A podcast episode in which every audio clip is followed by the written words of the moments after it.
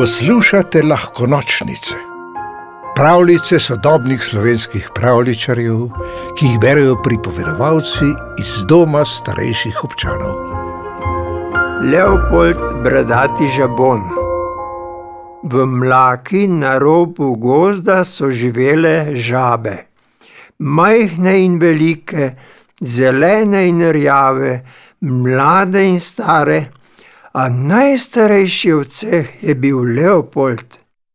Od starosti so mu nad usti pognali dolgi, košati brki, ki pa mu niso prinesli sreče. Žabe namreč nimajo ne brkov, ne brat, kaj šele las ali kakšnih drugih dlak. Postal je tarča posmeha in iz njega so se norčevali celo paglavci, ki so plavali v plitvinah ob bregu. Kaj je, Leopold, a ti črvi iz glave gledajo? so mu upili in migali z repki. Objesni žabci pa so ga med dremežem cukali za brke in mu oddaleč kazali jezike, ko se je prebudil. Leopold se je tako držal vse bolj zase, težave pa je imel tudi z lovljenjem hrane. Njegov jezik ni bil več tako nagel in prožen kot nekoč, tako da so mu vse toste, sočne muhe pobegnile. Zadovoljiti se je moral z grintavimi mušicami, ki jih je našel na tleh, v skrajni sili pa je žvečil celo listje. Vse to je opazila mlada žabica Kaja. Leopold se ji je zasmilil, zato mu je začela loviti muhe in mu jih nositi za kosilo.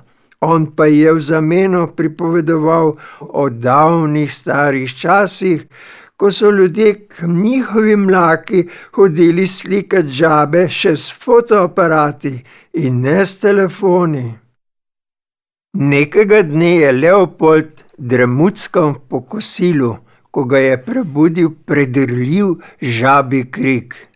Nad mlako je krožila štorkla, vse žabe so poskakale v vodo, le kaja, ki se je sončila na lokvanju, je okamenela od strahu, saj je štorkla strmoglavila naravnost nad njo. Leopold jo je poklical: Kaja, primi se! Zanihal je z glavo, da so brki poleteli proti prestrašeni žabici. Kaja je izplazila jezik in ga uvila okrog Leopoldove muštace. Štorkla se je z ostrim kljunom bližala žabici, ko je Leopold cuknil z glavo. Povlekel je otrplo kajo z lokvanja, da se je izmaknila lačni ptici. Štorkla pa je s klunom prebodla lokven, čofnila v vodo in se zarila v dno mlake. Prhutala je skrili, dokler se ni osvobodila in premočena odletela proč. Klun je imela tako poln mulja, da ga je pluvala še dva dneva, prednji je lahko znova po štorklje zašklopotala z njim. Druge žabe so videle, kaj je storil Leopold, ter mu glasno zaploskale in zareglale. Leopold, naš junak, so vzklikale, spoznale so svojo zmoto in se mu upravičile.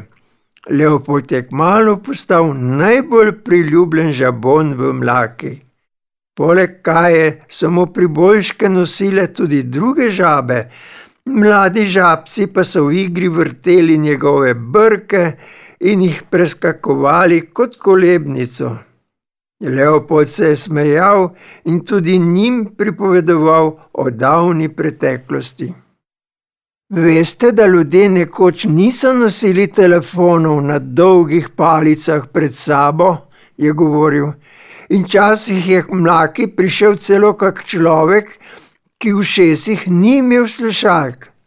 Žabice in paglavci pa so ga pozorno poslušali in se čudili nenavadni preteklosti.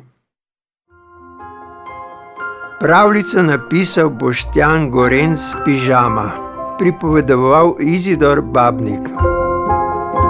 V deželo princesk, zmajev, gozdnih vil in ostalih čarobnih biti ste vabljeni vsak večer. Novi pravljici prisluhnite na lahkonočnice.si. Pa lahko noč.